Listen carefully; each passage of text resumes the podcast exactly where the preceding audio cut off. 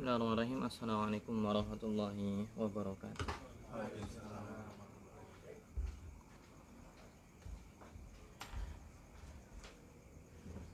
Alhamdulillahi ala ihsanihi wa syukru lahu ala taufiqihi wa amtinanihi wa ashadu an la ilaha illallah wahdahu la syarika lah ta'ziman li sya'nihi wa ashadu anna muhammadan abduhu wa rasuluhu da'i ila ridwanih Allahumma salli wa sallim ala abdika Muhammadin wa ala alihi wa sahbihi wa ikhwani amma ba'd.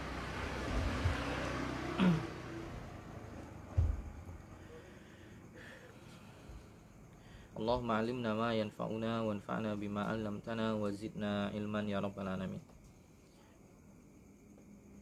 Kaum muslimin yang dimuliakan oleh Allah Subhanahu wa taala saudara-saudara sekalian sekalian yang budiman yang semoga Allah senantiasa memberikan kita taufiknya memberikan kita petunjuk agar kita bisa beragama dengan agama yang benar agar kita bisa memiliki pemahaman dengan pemahaman yang lurus di zaman yang penuh fitnah di zaman yang penuh ujian di zaman yang penuh huru hara makanya Nabi SAW sudah mewanti-wanti dalam hadisnya sebelum beliau wafat fa innahu man ya'ish minkum ba'di fasayara ikhtilafan katsiran Nabi memberikan wanti-wanti fa innahu man ya'ish fasayara ikhtilafan katsiran Sesungguhnya di antara kalian yang masih hidup sepeninggalku, sepeninggal Nabi wafat, sungguh akan melihat perselisihan yang sangat banyak. Fa'alaikum bisunnati wa sunnatil khulafa'ir rasyidin al-mahdiyyin min ba'di. Nabi memberikan kabar perpecahan, perseteruan setelah beliau wafat. Ini menjadi sunatullah, menjadi takdir Allah ya nanti dijelaskan dalam hadis yang lain yaitu umat Islam akan terpecah menjadi 73 golongan. Menjadi hal yang mau tidak mau terjadi ya sebagaimana pembahasan takdir kemarin ini adalah apa? Iradah kau niyah. Itu kehendak Allah yang mau gak mau harus terjadi. Ya. Walaupun Allah tidak menyukainya, tapi mau tidak mau konsekuensi dari orang kemudian keluar dari ketaatan pada Nabi dan Rasul ber, tidak berpegang dengan petunjuk beliau akan terjadi perselisihan yang mana perselisihan itu nanti akan berakibat menjadi terpecahnya umat tapi Nabi sudah ngasih solusi. Fa'alaikum bisunnati. Maka wajib atas kalian memegang sunnahku. Sunnah di sini bukan sunnah dalam artian ulama fikih ya. Yang artinya ketika dikerjakan dapat pahala ditinggalkan tidak berdosa. Enggak. Sunnah di sini maksudnya tariqah. Ya jalan hidupnya Nabi gitu. Tuntunannya gitu maksudnya. Alaikum bisunnati wa sunnatil khulafa'ir rasyidin al mahdiyyin wajib baik kalian berpegang dengan sunnahku yaitu tuntunanku jalan hidupku dan jalan hidupnya para khulafa ar rasyidun yang Allah beri hidayah.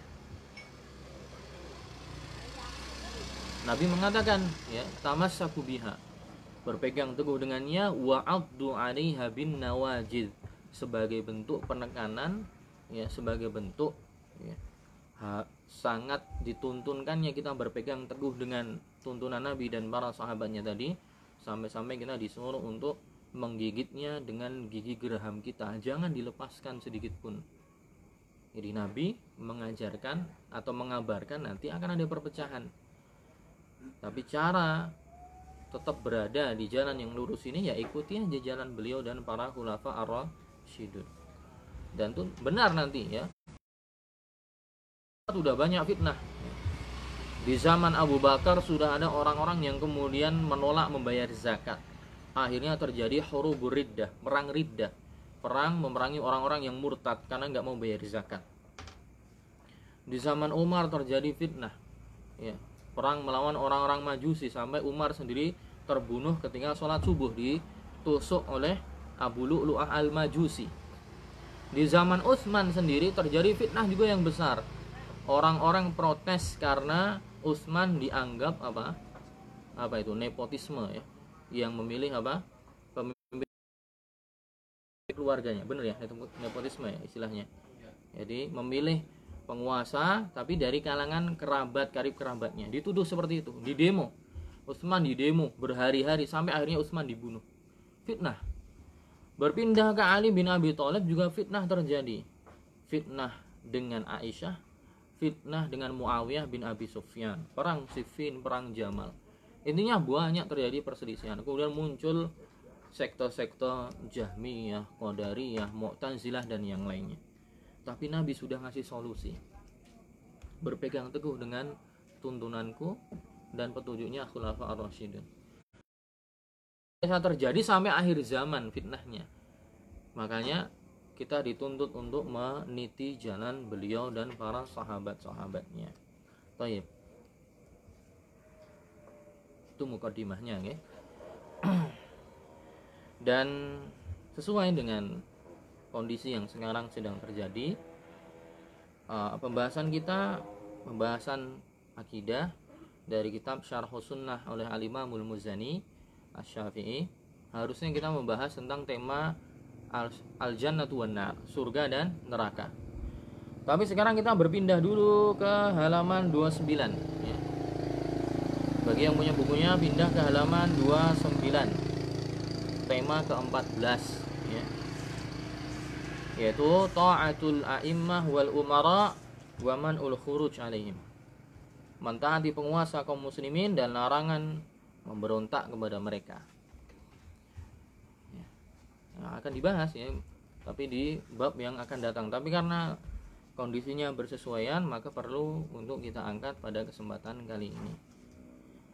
Dan tema di sini ada ini menunjukkan bahwa tema ini sejak zaman salaf sudah dibahas gitu.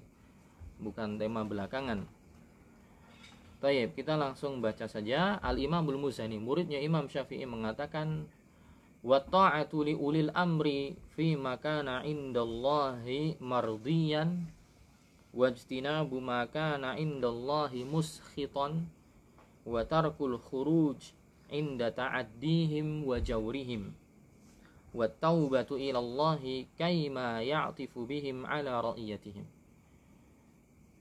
Al-Imamul Muzani mengatakan wa ta'atu li ulil amri fi makana indallahi mardiyan yaitu menjadi hal yang lazim, hal yang wajib untuk mentaati penguasa di dalam hal-hal yang diridhoi, dalam hal-hal yang diridhoi, dalam hal-hal yang tidak bertentangan dengan syariat, bahkan bersesuaian dengan syariat atau hal-hal yang tidak dijelaskan dalam syariat juga tidak dilarang.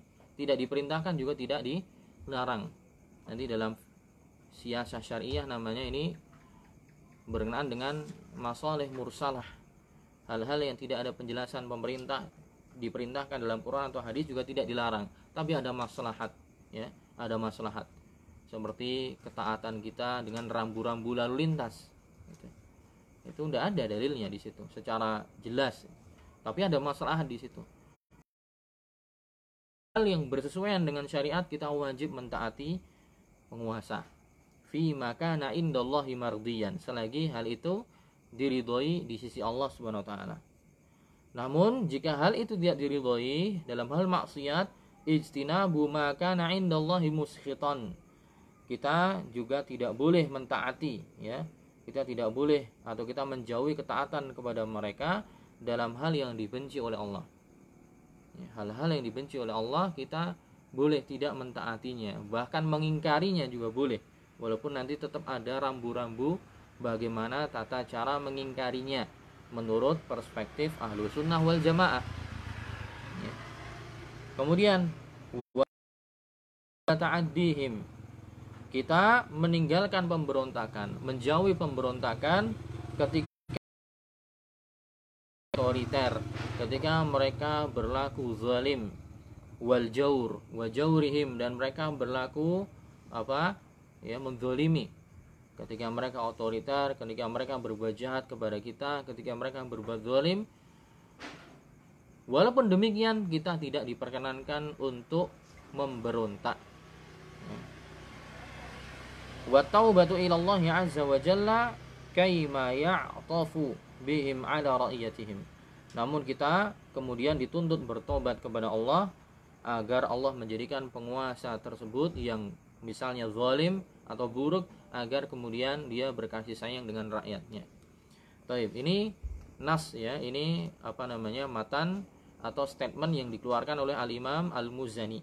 Nah, kita akan baca syarahnya, penjelasannya oleh Syekh Ahmad bin Yahya An-Najmi rahimahullah. Ya, beliau mengatakan, yakni ya teman Al Imam Al Muzani tadi maksudnya adalah anna ta'ata wulatal umuri fil haqqi wajibah. Para penguasa, pemimpin yang sah dalam perkara yang hak ini hukumnya wajib. Wa yahrumu isyanuhum idza ham hum amaru bima amarallahu bihi minal haq. Dan kita tidak boleh ya kita haram atas kita memaksiati penguasa ketika mereka memerintahkan hal yang serupa dengan apa yang Allah perintahkan. Maksudnya ketika bersesuaian dengan syariat kita tidak boleh untuk menyelisihi. Lakin idza amaru bimaksiatin fala ta'ata li makhluk. Namun ketika mereka memerintahkan untuk perbuatan maksiat, ya, melegalkan riba dan yang lainnya, memberikan izin prostitusi dan semisalnya, kita tidak boleh taat. Ya. Kita boleh mengingkari. Ya. Namun tentunya nanti dengan cara-cara ya, ada pengingkaran-pengingkaran yang norma-normanya disebutkan dalam syariat. Nah, kenapa nggak boleh mengingkari? Mentaati mereka karena Nabi mengatakan dalam hadis riwayat Ibnu Abi Syaibah la ta'ata li makhlukin fi ma'siyati khaliq tidak boleh mentaati makhluk dalam hal bermaksiat kepada pencipta kepada Allah Subhanahu wa taala. Baik. Kemudian tadi ada perkataan bahwa mereka berbuat zalim, ketika mereka berbuat otoriter, ketika mereka berbuat yang seenaknya ketika mereka berbuat merugikan rakyat kenapa kita nggak boleh memberontak? Kenapa kita nggak boleh mengerahkan masa untuk merongrong mereka? Ya. kenapa nggak boleh demikian? Ya, itu dijelaskan oleh para ulama ya oleh para ulama. Tidak hanya oleh al-imam muzani ya, kita sebutkan referensi dari buku yang lain dalam syarah akidah at-tahawiyah ingat kemarin al-imam Abu Ja'far at-Tahawi Imam Abu Ja'far At-Tahawi yang keponakannya Imam Muzani juga ya masih saudaranya. Beliau punya kitab Al-Aqidah At-Tahawiyah yang disyarah dijelaskan yang paling fenomenal oleh Ibnu Abil Iz Al-Hanafi yang mana Ibnu Abil Iz ini masih muridnya Ibnu Kathir Imam Ibnu Kathir ulama-ulama terkenal ahli sunnah. Di sini dikatakan wa amma luzumu adapun kelaziman mentaati mereka yaitu para penguasa wa in jaru. Walaupun mereka berbuat zalim walaupun mereka berbuat buruk kepada rakyatnya. Fali annahu yatarattabu 'alal khuruji an ta'atihim minal mafasid ad'af ma yahsulu min jawrihim. Kenapa? Walaupun oh kenapa kok mereka berbuat zalim? Kita tidak boleh memberontak kita tidak boleh keluar kita nggak boleh melawan. Karena ketika rakyat kemudian melawan rakyat kemudian memberontak menggulingkan mereka kudeta maka mafsadat dan mudarat yang akan muncul itu akan lebih besar daripada kezoliman yang ditimbulkan oleh mereka. Ya. Apalagi revolusi yang lingkupnya tidak hanya lokal tapi nasional. Pasti ada kerusakan materi, pasti ada pertumpahan darah, pasti ada pertumpahan ya fisik yang apa terlukai dan semisalnya dan itu sudah kita lihat di tidak usah jangan negeri kita menjadi contoh tapi lihatlah tempat-tempat yang lain yang seperti Libya sampai sekarang belum selesai setelah menggulingkan Muammar Qaddafi belum selesai pertikaiannya. Berapa darah yang mengalir? Berapa bangunan yang habis? Bagaimana ekonomi rakyat yang kemudian rusak porak-poranda Libya. Mesir yang sampai sekarang juga gonjang ganjing kemudian Suria yang sampai sekarang juga kaum muslimin dibantai di sana. Jadi dalam kaidah fikih itu di apa namanya dibahas bahwa ketika ada dua mafsadat yang dihadapi ya ada dua mafsadat yang dihadapi mafsadah pertama dua mafsadat ini nggak bisa dihindari. Mafsadat pertama adalah kezoliman yang muncul dari pemimpin. Itu udah buruk. Mafsadat yang kedua adalah ketika memberontak maka nanti akan menimbulkan mafsadat yang lebih besar. Ya porak-porandanya suatu negeri tertumpahnya darah kaum muslimin ya. hancurnya materi semuanya itu lebih besar. Maka daripada ya yang lebih besar ini muncul maka dengan yang kecil. Nah, idza ta'aradu mafsadatani ru'ya a'zamuhuma. Kalau ada dua mafsadat yang saling berhadapan tidak bisa dihindari maka ambil yang terkecil ya. Berontak maka mafsadatnya akan lebih besar. Selain di sisi, lain ada nas juga yang melarang itu gitu. selagi mereka masih muslim. Jadi kata Ibnu Abil Is adalah karena ketika seorang atau rakyat kemudian memberontak keluar dari ketaatan pada mereka akan muncul mafsadah yang akan lebih besar. Bali sabru ala jawrihim takfiru sayiat. Oh kenapa kita cuma sabar aja? Seperti ini dizolimi. Tenang kesabaran kita Allah tidak akan menyanyiakannya Para ulama menjelaskan kesabaran kita atas kezoliman mereka. Jika memang mereka zalim maka itu sebagai takfirus sayiat sebagai penghapus dosa yang dilakukan oleh rakyat. Sebagai penghapus dosa yang dilakukan oleh masyarakat. Wa mudha'afatul ujur. Plus juga ganjaran akan akan dilipat gandakan. Ya. dan kita harus mengaca dulu. Makanya ulama menjelaskan fa innallaha ta'ala ma sallata sallatahum alaina illa li fasadi a'malina. Dan ini yang perlu digaris bawah sesungguhnya Allah SWT tidaklah menjadikan kekuasaan atas mereka sehingga mendolimi kita. Itu semua juga karena kerusakan dan kemaksiatan dari diri-diri kita pribadi. Amalan-amalan kita. Wal jaza'u min jinsil amal. Dan balasan tergantung amalan yang dikerjakan sebagian besar orang kan cuman melihat hasil. Sebagian besar orang cuman melihat apinya. Tapi tidak melihat kenapa di situ ada api. Sebagian orang hanya melihat outputnya tapi tidak pernah melihat prosesnya. Kenapa ada output yang demikian? Ternyata ada output yang demikian ternyata ada hasil yang demikian karena prosesnya kita sendiri yang bermaksiat. Dan itu sudah Allah jelaskan dalam Al-Quran Allah mengatakan ma asaba ya ma asabakum mim musibatin fabima kasabat aidikum dan tidak ada musibah yang menimpa kalian melainkan itu semua karena sebab hasil-hasil tangan-tangan kalian sendiri. Kezaliman yang kita lakukan kemaksiatan yang kita lakukan. Dalam ayat yang lain Allah mengatakan wa ma ma asaba mim ma asabaka min hasanatin faminallah wa ma asabaka min sayyi'atin famin nafsik dalam surat An-Nisa. Apa saja yang menimpa dirimu dari kebaikan yang kamu dapatkan itu datang dari Allah. Tapi musibah yang menimpa dirimu itu datang dari dirimu sendiri. Ya.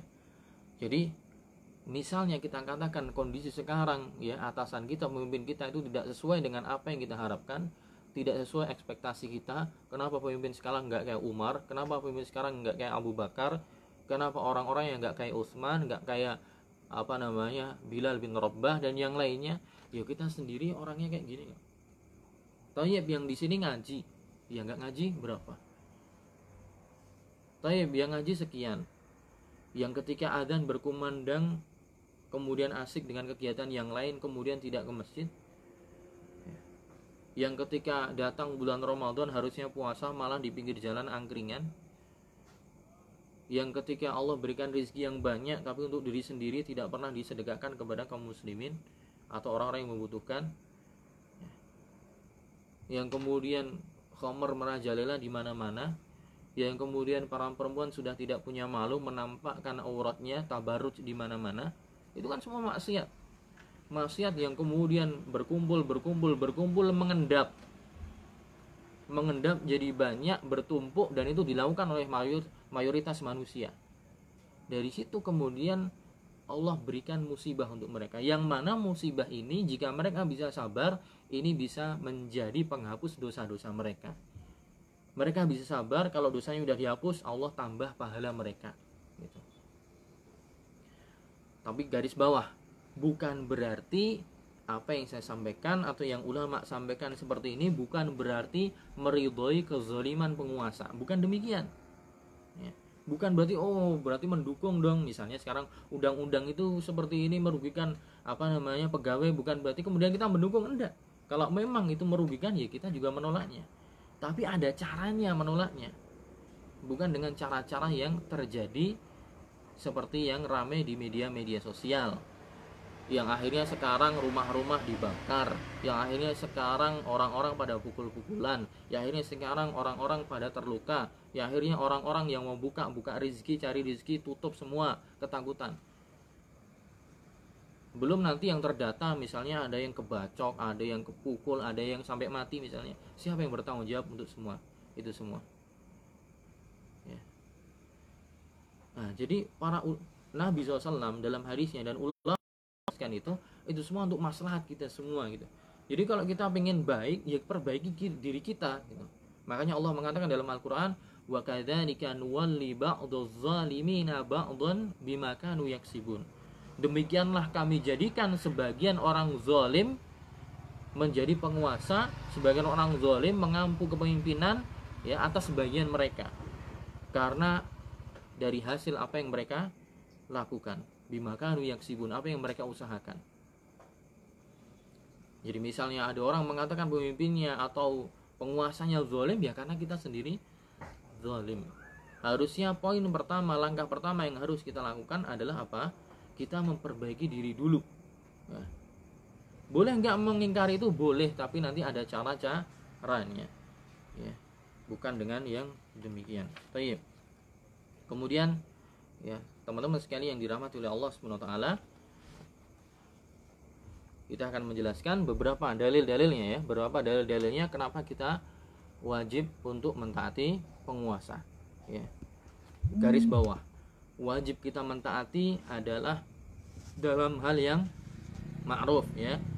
Dalam hal yang ma'ruf, dalam hal yang baik, dalam hal yang diridhoi Allah. Adapun dalam hal yang maksiat, dalam hal yang menyelisihi aturan agama. Dalam hal yang menzolimi orang lain maka kita nggak taat. Berarti kalau tidak taat berarti boleh mengingkari. Tapi nanti cara mengingkarinya bukan seperti yang ya terjadi belakangan ini ini. Ada cara-caranya yang ditunjukkan oleh Nabi SAW secara syar'i bukan sembah sembarangan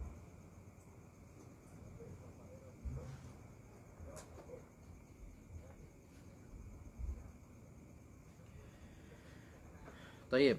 Nah, kita akan bacakan beberapa poin atau beberapa hadis yang menyuruh kita untuk taat ya kepada penguasa mereka walaupun mereka apa walaupun mereka berbuat zalim. kan dalam hadis riwayat Muslim, hadis riwayat Muslim ya. Hadis riwayat Imam Muslim dari Nafi' ya. Nafi' datang kepada Abdullah bin Umar yang sampai poinnya kemudian dalam hadis Nabi mengatakan man khala ayadan min ta'atin Allah yaumal qiyamah wala hujjata lahu. Barang siapa yang melepaskan tangan untuk taat maksudnya sudah tidak taat lagi pada penguasa maka dia akan bertemu dengan Allah di yaumil qiyamah dan dia tidak punya hujjah lagi tidak punya alat untuk membela diri. Waman mata walaysa fi dan barang siapa yang dia mati tidak berbaiat di sini. Dengan mata mitatan jahiliyah. Maka dia mati dalam kondisi jahiliyah. Mati dalam kondisi jahiliyah itu maksudnya adalah mati sebagaimana orang jahiliyah yang dulu mereka tidak punya penguasa yang ditaati. Bukan maksudnya adalah mati dalam kondisi kafir ya. Ini yang juga perlu dikoreksi ya jadi maknanya bukan mati dalam kondisi jahiliyah itu maksudnya bukan mati kafir tapi mati sebagaimana orang jahiliyah yang dulu mereka tidak punya pemimpin yang satu yang ditaati ya. sebagaimana dijelaskan oleh Syekhul Islam Ibnu Taimiyah dan yang lainnya ya. itu hadis pertama riwayat Muslim yang kedua ya hadis yang kedua hadis riwayat Bukhari dan Muslim dari Abdullah bin Abbas dari Nabi SAW bahwa beliau bersabda man kariha min amirihi syai'an falyasbir alaihi. Barang siapa yang membenci satu hal dalam diri pemimpinnya maka bersabarlah atas hal tersebut. Fa innahu laisa ahadun minan nasi kharaja minas sultani shibran famata alaihi ma illa mata mitatan jahiliyah barang siapa yang membenci dari pemimpinnya ada sesuatu yang dia benci ya perangainya perbuatannya maka bersabarlah atas hal tersebut. Sesungguhnya tidaklah seseorang dari manusia keluar dari keluar dari ketaatan pemimpin tersebut ya satu jengkal saja shibron. Famata kemudian dia mati dalam kondisi itu ya illa mata mitatan mati dalam kondisi jahiliyah. Saya ulangi, mati dalam kondisi jahiliyah bukan berarti difonis kafir ya, tapi dia mati dalam kondisi maksiat. Sebagaimana orang jahiliyah yang tidak punya pemimpin yang satu yang ditaati bersama, itu maksudnya. Ya, sebagaimana penjelasan Ibnu Taimiyah. Jadi intinya dia mati dalam kondisi maksiat. Berarti walaupun Nabi tadi mengatakan man kariha, siapa yang benci dari pemimpinnya sesuatu yang dia benci, sabar atas hal tersebut bukan keluar bukan berontak tapi sah, sabar. Bahkan ada hadis yang lebih gamblang lagi dari Hudzaifah ibnu Yaman dari sahabat Hudzaifah bin Yaman dia mengatakan kultu ya Rasulullah hadis riwayat Muslim. Perhatikan hadis-hadis yang saya sebutkan adalah riwayat yang mayoritas riwayat-riwayat sahih. Bukhari Muslim Bukhari Muslim. Ini riwayat Imam Muslim. Ya Hudzaifah bin Yaman berkata ya Rasulullah inna kunna fi syarrin faja Allahu bi khairin fanahnu bi fihi. Wahai Rasulullah kami dulu berada di atas keburukan masa jahiliyah. Kemudian Allah mendatangkan kebaikan Islam ya hidayah. Kemudian kami berada di dalam kebaikan itu. Fahal min wara'i hadzal khair syarrun? Ya Rasulullah apakah setelah datang kebaikan ini nanti akan datang keburukan fitnah dan semisalnya? Nabi mengatakan na'am. Iya akan datang keburukan. Hudzaifah tanya lagi fahal wara dzalika syarri khairun. Ya Rasulullah setelah datang kebaikan kemudian keburukan apakah setelah keburukan ini akan datang lagi kebaikan? Nabi mengatakan na'am. Iya setelah keburukan nanti juga akan datang kebaikan. Huzaifah tanya lagi fahal wara dzalika khairi syarrun? Apakah juga nanti setelah keburukan itu akan datang kebaikan? Iya. Jadi fitnah akan senantiasa berputar ya. Keburukan datang tapi nanti kebaikan Allah berikan setelah kebaikan ada ujian lagi, keburukan lagi, dan seterusnya. Kemudian Nabi mengatakan, "Na'am, ia akan datang yang demikian." Kemudian Hudzaifah bertanya, "Kaifa? Bagaimana ya Rasulullah?" Nabi mengatakan, "Qala yakunu ba'di a'immatun la yahtaduna bihudaya wa la yastannuna bisunnati." fihim rijalun qulubuhum qulubus syayatin fi juthmanil ins. Nabi mengabarkan saya kunu ba'di ya. Yakunu ba'di akan datang nanti setelahku. Di masa yang akan datang? Di masa setelah nah, Nabi akan datang setelahku siapa? A'immatun yaitu para imam-imam para pemimpin-pemimpin. Layah tadu nabi hudaya mereka tidak mengambil petunjukku. Wala yastannuna bisunnati. Dan tidak menjadikan jalan hidupku sebagai arahan jalan hidupnya. Tidak mengambil sunnah Nabi SAW mereka orang yang tidak apa tidak peduli dengan syariat gitu. Wa sayakumu fihim rijalun qulubuhum qulubus syayatin fi juthmani ins. Dan akan membersamai mereka yaitu pemimpin-pemimpin yang tidak mempraktekkan syariat Islam dengan baik ini akan bersama mereka orang-orang yang hati-hati mereka seperti hati setan. Tapi berada di fisik-fisik manusia. Jadi orang-orang yang membersamai pemimpin-pemimpin tadi hatinya setan buruk tapi fisiknya manusia. Kemudian apa? Hudzaifah bertanya, "Kaifa asna'u ya Rasulullah in adraktu dzalik ya Rasulullah?" Kalau saya sampai mendapati kondisi yang demikian, apa yang harus saya lakukan? Nabi mengatakan, "Tasma' wa ulil amir." Dengarkanlah dan taatilah pemimpin Anda. Wa in duriba duriba dhahruk wa ukhidha maluk fasma' wa ati' walaupun sampai mereka memukul punggungmu juga sampai mengambil hartamu dengan paksa. Dengarkanlah dan taatilah. Gamblang nggak? Hadis buat muslim. Ya. jadi sezolim zolim mereka selagi muslim itu kita wajib. Ditaati nggak usah memberontak sabar sambil mengoreksi diri dengan itu Allah akan nanti akan dengan jalannya urusan Allah bagaimana caranya merubah hal itu itu urusan Allah. Ya. kadang pemimpin masih muslim dengan segala kekurangannya gitu. Tapi perkataan kita memojokkannya mengubarnya di depan umum gitu.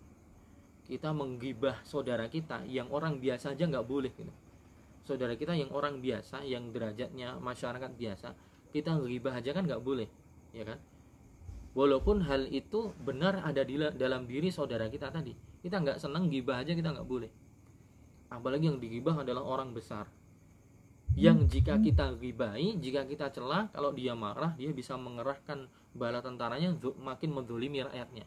Itu mudaratnya akan lebih besar gitu. Tapi sekali lagi bukan berarti ini mengiyakan kezoliman yang dilakukan mereka jika itu memang ada, jika memang terjadi. Tetap kita kritik, tetap diingkari, tapi nanti ada cara-caranya gitu. makanya ketika apa namanya Harun dan Nabi Nabi Harun dan Firaun datang eh, Nabi Harun dan Musa ketika datang kepada Firaun ya Allah memberitakan apa untuk menasihati Firaun. Faqula lahu qawlan layyina la'allahu yatadzakkar aw yakhsha. Allah memerintahkan Harun dan Musa untuk datang kepada Firaun. Allah mengatakan faqula lahu kaulan layyina. Harun dan Musa berbicaralah nasihatilah Fir'aun dengan kaulan layyina dengan perkataan yang lembut dengan perkataan yang baik la'allahu yatadzakkar aw yakhsha semoga saja Fir'aun dengan itu akan ingat kembali sadar atau dia kemudian takut dengan perintah Allah Subhanahu wa taala sekarang apakah pemimpin zaman sekarang lebih zalim dari Firaun? Firaun tuh mengaku, mengaku dirinya Tuhan. Qala ana rabbukumul a'la. Sampai gitu dia mengakui rububiyah loh. Parahnya Firaun tuh dia sampai mengakui rububiyah. Dia sampai mengaku bahwa dirinya Tuhan. Dia yang memerintahkan orang-orang ketika nanti ada anak kecil ya, bayi laki-laki yang lahir maka sembelih semua dia merintahkan seperti itu. Dia merintahkan peribadatan kepada berhala-berhala dan kepada dirinya. Tapi walaupun separah itu, Allah masih mengatakan kula lahu qawlan layyina la'allahu yatadzakkaru aw yakhsha. Sampaikanlah nasihat perkataan kepada Firaun wahai Harun dan Musa semoga dia bisa ingat semoga dia bisa takut dengan Allah Subhanahu wa taala. Menuruti perintah Allah Subhanahu taala. Ini orang separah itu. Berarti logikanya orang yang levelnya belum separah itu harusnya lebih apa? Lebih kita lemah lembuti untuk diberi nasihat. nasihat. Ya. Bukan malah dicela di media sosial, di Facebook, di apa saja dicela, kemudian keluar dicela-cela, dipengoi, diteriakin dan seterusnya, nggak akan bisa merubah gitu sesuatu yang kemungkinan besar dan bisa dipastikan nggak akan merubah gitu tapi kita lupa dengan sesuatu yang pasti bisa merubah dengan izin Allah itu doa gitu kan Allah membulak balikkan hati. Allah mengendaki hatinya terbalik bisa dengan doa. Tapi itu yang kita lupakan kadang. Ya dalam hadis yang lain ah, ada banyak ya kalau kita bacakan. Nabi mengatakan dalam hadis riwayat Muslim juga satakun umara fata'rifuna wa tunkirun. Nabi mengatakan akan datang nanti pemimpin-pemimpin yang kalian mengetahuinya dan kalian mengingkarinya karena mereka berbuat kezaliman arafa bari'a barang siapa yang mengetahui hal tersebut maka dia akan berlepas diri. Waman ankara barang siapa yang mengingkari dia telah selamat. Walakin man radiya wa taba'a. Tapi yang tidak selamat adalah yang meridhoi perbuatan zalim pemimpin itu dan mengikuti perbuatan zalim pemimpin tersebut tapi kita tetap tadi apa sebagaimana hadis-hadis sebelumnya kita disuruh untuk tetap apa tetap mentaati satu lagi hadis riwayat muslim lagi ya dari Auf bin Malik dari Rasulullah SAW Nabi mengatakan khiyaru a'immatikum alladzina tuhibbunahum wa yuhibbunakum. Sebaik-baiknya pemimpin-pemimpin kalian adalah yang kalian cintai dan mereka mencintai kalian. Wa tusalluna alaihim wa yusalluna alaikum yang kalian berdoa untuk mereka dan mereka berdoa untuk Anda. Wa syiraru a'immatikum dan sejelek-jeleknya pemimpin kalian adalah tub alladzina tubghidunahum wa yubghidunakum. Kalian murkai dan mereka juga membenci Anda. Wa tal'anunahum wa yal'anunakum. Mereka dan mereka pun melaknat Anda. Kemudian para sahabat mengatakan, "Ya Rasulullah, afala nunabidahum inda Rasulullah ketika mereka berbuat buruk seperti itu, apakah kita melepaskan ketaatan kepada mereka? Nabi mengatakan, "La ma aqamu fikumus shalah." Tidak selagi mereka mendirikan salat. Ya, tidak melarang salat, mereka pun juga masih salat ala man wali alaihi walin fara'ahu ya'ti syai'an min ma'siyatillah falyakrahu ma ya'ti min ma'siyatillah ketahuilah jika ada yang menjadi pemimpin mengampu kepemimpinan ya kemudian dilihat bahwa dia berbuat satu kemaksiatan maka silahkan benci kemaksiatan yang dia lakukan. Wala yanzi'anna yadan min ta'ah. Tapi sekali-kali jangan melepaskan ketaatan kepada mereka. Dan hadis yang lain banyak sekali ya. bahkan para ulama menyebutkan adanya ijma selain Ibnu Abilis al-Hanafi tadi juga Alimah Nawawi dan yang lainnya menjelaskan hal yang demikian. Taib. Kemudian ya Syekh Ahmad An-Najmi menjelaskan wal khuruju alaihim yanqasimul qismain. Ya. Seseorang dikatakan memberontak atau semi memberontak atau melakukan hal yang masuk kategori pemberontakan kepada mereka itu terbagi dua ya pertama khurujun fi'liyun bisayf saya ulangi kata Syekh Ahmad Yahya An-Najmi bahwa pemberontakan kepada pemerintah itu terbagi dua. Pertama khurujun fi'liyun bisayf yaitu pemberontakan secara perbuatan dengan pedang. Maksudnya ya turun secara langsung gitu. Dengan senjata. Ya, entah dengan pedang entah dengan pistol dengan apa intinya menggulingkan atau berusaha untuk menggulingkan. Ya. atau ada upaya untuk ke situ. Ini yang pertama. Bisa masuk dikatakan memberontak itu dengan perbuatan. Yang kedua adalah khurujun kauli yang kedua adalah pemberontakan tapi dengan statement verbal. Pemberontakan secara verbal. Seperti apa? Bi an yatakallamal insan fi wulatil amri wa yaqdahu fihim wa yadhummu da'wah ilal khuruji alaihim. Wa da'watan ilal khuruji alaihim. Yang kedua adalah pemberontakan bukan dengan perbuatan tapi dengan apa? Ya, dengan ngompor-ngompori. Mendiskreditkan pemerintah. Mencela mereka.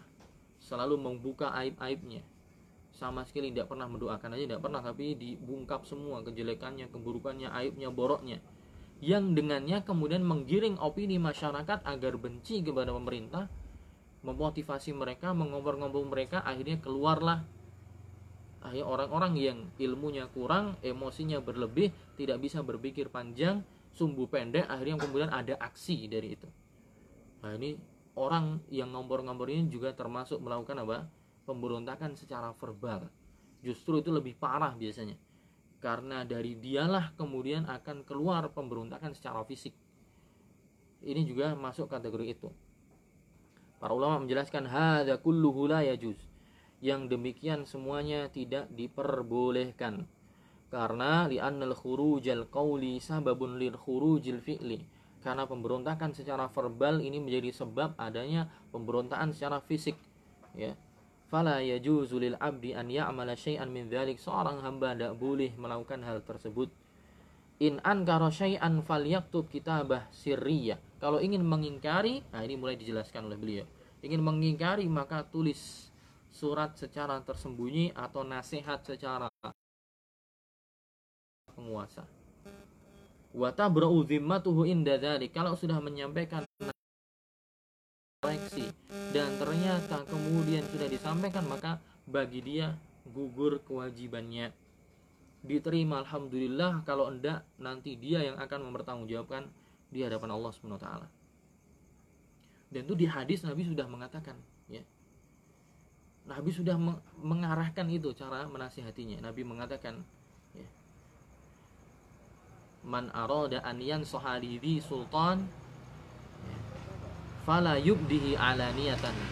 Nabi mengatakan man arada an yansaha sultan barang siapa yang ingin berikan nasihat kepada orang yang mengampu tampuk kepemimpinan fala yubdihi alaniyatan. Jangan tampakkan terang-terangan di muka umum. Falyakhudhihi ambil tangannya empat mata ya sampaikan. Fa in qabila falahu kalau nasihatnya diterima maka itu yang diharapkan itu yang diinginkan wa illa faqad addama alaihi kalau kemudian tidak diterima maka orang tersebut sudah menunaikan kewajibannya untuk mengingkari kemungkaran, untuk memberikan masukan, untuk menyampaikan nasihat, untuk memberikan kritik dan koreksi. Sama juga kayak misalnya kita ketemu orang di jalan, orangnya nggak pernah sholat, tiap hari main, tiap hari mendem, gitu kan? Kewajiban kita kan cuma datang, mas, ayo ke masjid, mas nggak boleh minum khamar, mas jangan main apa judi. Diterima alhamdulillah. Kalau enggak kita pergi kan nggak mungkin kita paksa kita gebukin gitu kan nggak mungkin. Dicela terus nggak mungkin. Udah ketika diterima alhamdulillah berarti apa yang kita harapkan? Terlaksana. Jika tidak ditunaikan maka kewajiban kita sudah gugur gitu. Kalau yang seperti ini kita sepakat maka terapkanlah untuk yang lebih besar. Itu para pemimpin misalnya mereka nggak mau berubah eh, itu tanggung jawab dia nanti di hadapan Allah swt nggak usah melakukan lebih dari itu. Pertanyaannya wah kita kan rakyat biasa. Gimana kita bisa ketemu yang bersangkutan pemimpin presiden atau yang lainnya atau DPR dan yang lainnya? Ya jangan kita lah. Kan ada tuh pembesar-pembesar bangsa. Pembesar-pembesar organisasi Islam yang mereka punya akses ke sana coba pembesar organisasi ini pembesar organisasi ini pembesar orang semua bersepakat ayo datang langsung ke sana. Ngobrol langsung kasih masukan kasih nasihat. Gitu kan? Rakyatnya yang punya toko nggak dibakar. Orang-orang yang mau buka usaha akhirnya bisa buka usaha dengan baik tidak takut karena dizolimi masa nah yang seperti ini yang ya makanya tadi sebagaimana Nabi katakan fa innahu man ya'ish minkum ba'di fasayara ikhtilafan katsiran Barang siapa yang hidup setelah Nabi SAW akan melihat perselisihan dan fitnah yang banyak. Maka ikutilah tuntunan Nabi, ikutilah tuntunan khulafa'ur rasyidun. Maka kalian akan semangat, apa selamat. Tapi sekali lagi jangan dipahami ini meridhoi kezaliman dari penguasa jika memang itu terjadi. Ya. Ini cuma dalam masalah metode menyikapi kezaliman itu. Gitu. Tetap diingkari silahkan tapi bukan dalam rangka dengan mencela dengan mengumpulkan masa ya karena kalau sudah di jalan kepanasan gak makan berjam-jam orasi tidak didengarkan setan ngasih bisikan wes juga bensin dua buang dua buang bacok bacok ambrol ke nganune apa namanya? Pagar terjadi nggak? Sangat terjadi. Mungkin dari awal dari rumah mungkin santai. Oh kita insya Allah damai demo damai dan seterusnya. Iya damai. Akhir menit tolong menit. Sejam ngomong terus nganti ngumpluk. Radi gape mulai emosi. Orasi ini itu pengen ketemu yang bersangkutan nggak diizinkan. Mulai itu muntah apalagi kemudian orangnya nggak pernah sholat nggak pernah ini ada yang mau provokasi. Kan nggak tahu kita ada mata-mata yang provokasi. Eh provokasi bu dobong dobong nah, jin dari kalangan manusia ya kan? Setan dari kalangan manusia. Makanya di sini dalam kaidah syariat itu ada namanya saduz zari'ah. Kenapa hal yang demikian dilarang? Saduz zari'ah menutup potensi-potensi kemungkinan-kemungkinan yang akan menjadikan mudarat lebih rapat-rapat. Ya karena nyawa manusia itu bukan sesuatu yang murah nasihat untuk saya pribadi dan teman-teman sekalian ya. inilah yang namanya akidah Islam manhaj metode bagaimana beragamanya para ulama salaf yang kita ambil langsung bukan dari orang sembarangan ya. Abu Ja'far At-Tahawi Ibnu Abil Is Al-Muzani kemudian Imam An Nawawi dan yang lainnya yang mereka adalah ulama-ulama kaum muslimin yang sudah diakui keilmuannya dan sikap demikian itu maslahatnya kembali ke masyarakat itu sendiri. Menangkal mudarat yang akan menimpa mereka. Kita pengen pemimpin kita baik atasan kita baik maka sekarang dimulailah dari diri sendiri. Dimulai dari diri kita. Dimulai dari anak kita disuruh sholat. Dimulai dari anak kita dididik ngaji dimulai dari ayah ibu kita dididik untuk paham Quran dan hadis. Ngikuti. Ya, kalau masing-masing keluarga sudah menumbuhkan kecintaan dengan agama mereka akan tahu bagaimana bersikap menghadapi dunia dan segala fitnahnya. Kalau sudah kemudian setiap rumah itu baik agamanya maka nanti Allah juga akan ya mengutus pemimpin untuk mereka memilihkan pemimpin untuk mereka orang-orang yang baik ketika rakyatnya juga sudah bah baik ya, makanya ada istilah kama takunu yuwalla alaikum.